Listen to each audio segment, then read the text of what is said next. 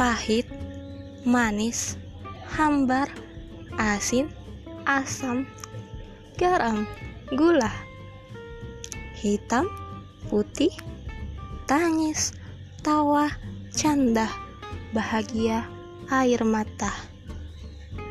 Itulah yang namanya kehidupan. Kita manusia akan mengalami semua. Waktu terus berputar. Yuk bersama-sama kita dengarkan podcast yang aku buat selanjutnya. Jangan ke mana-mana. Please, kalian jangan skip kalau nanti ada podcast berikutnya dari saya.